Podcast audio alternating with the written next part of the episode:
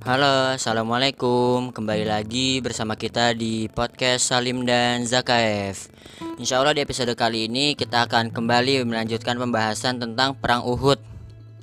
Nah, sekarang kita masuk ke bab perangnya nih tentang perangnya. Oke, kita langsung cek aja. Seperti yang sudah dijelaskan di episode sebelumnya, jadi ketika kedua belah pihak sudah siap dan matang untuk berperang, akhirnya peperangan pun dimulai. Peperangan ini pertama kali dimulai oleh seorang dari pihak Quraisy bernama Tolhah bin Abu Tolhah. Orang ini dari Bani Abdiddar dan Tolhah ini mendapat julukan dari kaum muslimin yaitu Kapsul Katibah karena uh, Tolhah ini adalah se seseorang yang sangat pandai dalam berkuda dan pemberani. Nah, jadi di sini Tolha atau kapsul katibah ini mengajak atau menantang kepada kaum muslimin untuk duel. Seperti biasa ya jadi kalau mau perang duel dulu. Nah karena itu karena keberanian Tolha ini orang-orang muslimin gak ada yang berani takut semua. Nah akhirnya uh, Zubair bin Awam dengan gagah berani langsung keluar dari barisan pasukan muslimin. Saking cepat keluarnya Zubair ini sampai-sampai Tolha ini belum siap dan gak siap untuk me, apa, menyambut kedatangan Zubair dan akhirnya Zubair langsung menusukkan pedangnya dan Tolha akhirnya tewas terjerembab ke tanah. Setelah Zubair bin Awam berhasil mengalahkan Tolha dalam duel satu lawan satu ini, akhirnya pertempuran di kedua belah, kedua belah pihak pun pecah.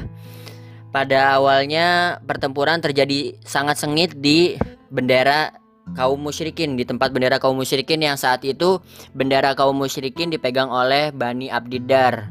Jadi awalnya Tolhah tadi sebagai pemegang bendera lalu Tolhah tewas terbunuh oleh Zubair dan akhirnya dilanjutkan oleh saudaranya yaitu Utsman bin Abu Tolhah ini Abu Syaibah lalu lanjut lagi ke Abu Sa'ad bin Tolhah lalu terus berlanjut ke dari Bani Abdiddar itu sampai 10 orang setelah itu baru diambil sama seorang budak Habasyah atau pembantu dari Habasyah namanya Su'ab. Di pertempuran Uhud ini ada seorang sahabat dan ini cukup unik. Jadi seorang sahabat ini bernama Abu Dujanah. Dia berhasil menerima pedang dari Rasulullah Shallallahu Alaihi Wasallam. Waktu itu sempat Zubair bin Awam duluan yang minta pedangnya, tetapi Rasulullah menolak dan Rasulullah memberikannya kepada Abu Dujanah. Dan setiap Abu Dujanah ingin berperang, dia selalu mengikatkan uh, sorban merah ke kepalanya dan jika dia sudah memakai tanda itu berarti dia sudah siap bertempur habis-habisan sampai titik darah terakhir. Nah, di sini nih sahabat Abu Dujanah ini sangat menarik. Dan ada satu kisah unik lagi di perang Uhud ini yaitu kisahnya Hanzalah bin Abu Amir. Di sini kita bisa lihat bahwasannya iman kaum muslimin pada saat itu benar-benar di puncak tertingginya. Jadi uh, ketika itu ceritanya Hanzalah bin Abu Amir ini baru saja melangsungkan pernikahannya sesaat sebelum perang Uhud dimulai. Lalu ketika perang Uhud dimulai, Hanzalah langsung yang saat itu masih berada di pelukan istrinya mendengar perang Uhud dikobarkan, langsung ikut perang Uhud dan menemui syahidnya di perang Uhud ini. Jadi masya Allah banget di sini benar-benar iman umat Muslim saat itu sangat kuat. Dan di perang Uhud ini juga banyak dari sahabat Rasulullah Shallallahu Alaihi Wasallam yang menemui syahidnya. Salah satunya adalah sahabat sekaligus paman Rasulullah Shallallahu Alaihi Wasallam yaitu Hamzah bin Abdul Muthalib. Jadi Hamzah bin Abdul Muthalib ini di perang Uhud terbunuh atau dibunuh oleh dibunuh ya, dibunuh oleh Wahsy bin Harb. Jadi Wahsy ini seorang budak dari Habasyah yang membunuh Hamzah dengan tujuan untuk agar dirinya dimerdekakan. Jadi uh, Wahsy ini sudah dijanjikan oleh tuannya kalau misalnya dia berhasil membunuh Hamzah berarti dia boleh dimerdekakan dan akhirnya uh, Wahsy setelah perang Uhud ini dimerdekakan. Peranan pemanah saat perang Uhud ini sangat penting atau sangat vital. Jadi tugasnya adalah salah satunya menggagalkan serangan-serangan kavaleri pasukan Quraisy yang dipimpin oleh Khalid bin Walid dan ayahnya Hanzalah namanya Abu Amir. Jadi di sini para pemanah ini berhasil mengalahkan atau menggagalkan serangan kavaleri Quraisy uh, sebanyak tiga kali dan pertempuran berlangsung begitu sengit hingga akhirnya pasukan Quraisy berada di ambang kekalahan. Ketika harta rampasan perang sudah di depan mata dan pasukan muslimin sudah mulai mulai mengumpulkannya, ketika itu dimulailah titik serangan balik kaum Quraisy, pasukan Quraisy.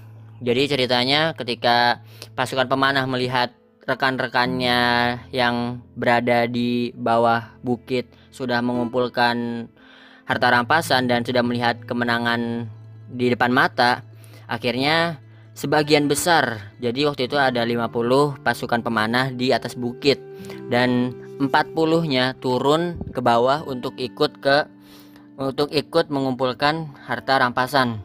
Ketika itu Abdullah bin Jubair selaku pemimpin uh, pasukan pemanah memperingatkan rekan-rekannya untuk tetap berada di bukit uh, bukit ini sampai dapat perintah dari Rasulullah untuk turun. Tetapi 40 dari temannya ini nggak ada yang mau nurut sama Abdullah bin Jubair. Hanya jadi hanya tersisa 10 orang di atas bukit. Nah, Khalid bin Walid yang melihat kesempatan emas ini langsung menggerakkan pasukan kavalerinya untuk menghabisi pasukan muslimin dari belakang. Pertama, mereka Khalid bin Walid dan rekan-rekannya menghabisi Abdullah bin Jubair di atas bukit, lalu langsung menuju pasukan inti kaum muslimin. Pasukan yang berada di bawah bukit ya. Dan itu dilihat oleh orang-orang Quraisy dan akhirnya di sini terjadi serangan balik dari orang-orang Quraisy yang mengakibatkan kerugian besar pada barisan kaum muslimin. Di saat serangan balik ini Rasulullah sudah melihat duluan bahwasannya kaum uh, Khalid bin Walid sudah menyerang dari uh, pasukan muslimin dari belakang. Dan setelah itu Rasulullah langsung berteriak hai hamba Allah hai hamba Allah uh, dengan maksud untuk menarik perhatian agar semua orang-orang kafir Quraisy tertuju pada Rasulullah Shallallahu Alaihi Wasallam hingga memberikan kesempatan kepada kaum muslimin untuk kembali berkumpul Ketika itu yang berada di sekitar Rasulullah hanya ada sembilan orang sahabat. Jadi sembilan orang sahabat ini berjaga di sekitar Rasulullah. Tujuh orangnya dari Ansor dan dua orangnya dari Muhajirin. Tujuh orang dari Ansor ini semua menemui syahidnya dalam melindungi Rasulullah Shallallahu Alaihi Wasallam dan duanya lagi yaitu dari Muhajirin, Tolhah dan Sa'ad bin Abu Waqqas. Saat ini uh, masih hidup dalam perang Uhud ini selamat sambil terus melindungi Rasulullah dengan panahnya dan Tolha disebut sebagai syah, seorang yang syahid berjalan di muka bumi ini. Jadi ada sabda Rasulullah Shallallahu Alaihi Wasallam, jikalau kalian ingin melihat orang yang syahid yang berjalan di muka bumi ini, maka lihatlah Tolha. Begitu kira-kira bunyi sabdanya. Serangan yang dilakukan oleh orang-orang Quraisy kepada Rasulullah ini menyebabkan banyak luka yang didapatkan oleh Rasulullah Shallallahu Alaihi Wasallam. Ditambah lagi dengan kekacauan di barisan pasukan Muslimin yang amburadul. Jadi karena uh, pasukan Muslimin ini udah panik, udah pengen menyelamatkan diri aja, uh, banyak juga dari mereka yang menebas atau membunuh satu sama lain sesama Muslim. Kisahnya ada Hudzaifah bin Yaman yang ayahnya Al Yaman terbunuh oleh sesama muslim. Nah, jadi terbayangkan gimana uh, amburadulnya pasukan muslimin ketika diserang balik oleh orang-orang Quraisy. Nah, untuk selanjutnya akan dilanjutkan oleh Lutfi. Silakan Pi dilanjutkan. Oke, Bo, Ani lanjutin. Jadi situasi berbalik kaum muslimin semakin terdesak. Semuanya terjadi secepat kilat dan dalam waktu singkat juga. Nah, Rasulullah SAW juga terluka. Dan enam orang ansor yang menjadi apa ya bahasa kitanya itu ajudan Rasulullah SAW gitu telah gugur dan ada satu orang yang terluka. Kemudian datanglah Tolhah bin Ubaidillah dan Sa'ad bin Abi Waqqas bertempur mati-matian seiring mengitari beliau jadi mereka menjadi uh, ajudannya beliau gitu. Jadi Rasulullah SAW itu sudah terpojok juga gitu sebagaimana orang-orang lain yang, yang pada saat itu di ya, peperangannya semakin chaos lah semakin kacau gitu. Nah uh, kemudian setiap saat nih jumlah pasukan kaum musyrikin terus bertambah gitu. Jadi kaum musyrikin semakin banyak yang maju untuk menggempur posisi kaum muslimin yang semakin terdesak sehingga serangan serangan mereka semakin dahsyat desakan mereka terhadap kaum muslimin semakin kuat Sampai-sampai Rasulullah Wasallam terperosok ke dalam suatu lubang dan lututnya lecet. Kemudian beliau diangkat, dipegang tangannya gitu oleh Ali bin Abi Thalib dan dipeluk oleh Tolha bin Ubaidillah sampai berdiri lagi. Ada seorang perawi menceritakan, aku mendengar seseorang dari kaum muhajirin pernah berkata, dia bercerita gitu orang muhajirin ini, Aku ikut dalam perang Uhud. Aku melihat anak panah berdatangan dari segala penjuru tertuju kepada Rasulullah SAW namun semuanya tidak mengenai beliau. Pada saat itu aku melihat seorang tokoh musyrik bernama Abdullah bin Syihab Az-Zuhri berkata, Tunjukkan kepada aku Muhammad, karena aku tidak akan pulang sampai dia terbunuh. Padahal Rasulullah SAW waktu itu berada di sampingnya dan tidak ditemani oleh siapa pun. Jadi Allah Subhanahu Wa Taala membutakan mata Abdullah bin Syihab ini. Uh, kemudian hal ini membuat Abdullah diejek oleh Sofan bin Umayyah, seorang musyrik lainnya dengan berkata, "Demi Allah, engkau tidak melihatnya, tapi aku tadi melihatnya berada di sampingmu. Allah telah membutakan matamu." Rasulullah Shallallahu Alaihi Wasallam sebagai pemimpin tertinggi dalam peperangan tersebut semakin ter terdesak dan kaum muslimin pun menunjukkan keberanian yang langka dan pengorbanan yang tinggi yang tidak pernah dikenal oleh sejarah sebelumnya. Abu Talha, salah seorang sahabat Ansor, menjadikan dirinya sebagai pagar di hadapan Rasulullah SAW dan mengangkat dadanya untuk melindungi beliau dari anak panah musuh. Nah, Anas bin Malik ceri, pernah bercerita, pada saat perang Uhud, orang-orang melarikan diri meninggalkan Nabi Muhammad SAW, sedangkan Abu Talha melindungi beliau dengan perisainya. Abu Talha adalah seorang pemanah yang tangguh, dan pada saat itu ia telah mematahkan dua atau tiga buah busur panah. Ada seseorang yang membawa anak panah di dalam tempatnya tempat anak panah gitu kemudian melewatinya. Kemudian Nabi Muhammad SAW berkata kepada orang itu berikanlah anak panah kamu kepada Abu Talha. Selanjutnya Nabi Muhammad SAW mengawasi kaum muslimin lalu Abu Talha berkata wahai Nabi engkau jangan mengawasi itu. Jadi Nabi Muhammad itu sedang bukan bersembunyi. Tadi kan terluka gitu Nabi Muhammad jadi dalam keadaan di apa ditidurkan gitu. Nah Nabi Muhammad itu mau duduk untuk melihat keadaan peperangan semakin kacau. Nah kata Abu Talha ini, wahai Nabi janganlah engkau mengawasi kaum muslimin karena aku khawatir anda terkena anak panah musuh. Aku siap melindungi anda. Abu Talha melindungi diri bersama Nabi Muhammad SAW dengan satu perisai. Abu Talha ada seorang pemanah yang tangguh. Apabila memanah, ia selalu diawasi Rasulullah SAW ke mana sasaran anak panah itu. Rasulullah Shallallahu Alaihi Wasallam juga ikut memanah sendiri. Diceritakan bahwasanya Rasulullah Shallallahu Alaihi Wasallam meluncurkan anak panah dari busurnya hingga tali busurnya terputus. Kemudian busur itu diambil oleh Qatadah karena itu milik Abu milik Qatadah gitu. Dan pada saat itu salah satu mata Qatadah ter, terkena serangan hingga matanya hampir keluar. Akan tetapi dengan mukjizatnya Rasulullah Shallallahu Alaihi Wasallam mengembalikan mata tersebut ke tempatnya. Setelah itu mata tersebut menjadi mata yang terbaik dan paling tajam di antara kedua matanya. Abdurrahman bin Auf, salah seorang sahabat juga bertempur hingga mulutnya terkena serangan saat itu dan gigi serinya tercabut sehingga dia menjadi cadel dan kakinya mendapatkan luka sebanyak hampir 20 atau lebih hingga pincang. Kemudian Mus'ab bin Umair, pemegang bendera dan panji perang Rasulullah SAW bertempur secara mati-matian membela Nabi Muhammad SAW dari serangan Ibnu Qami'ah dan teman-temannya. Bendera kaum muslimin saat itu dipegang oleh Mus'ab.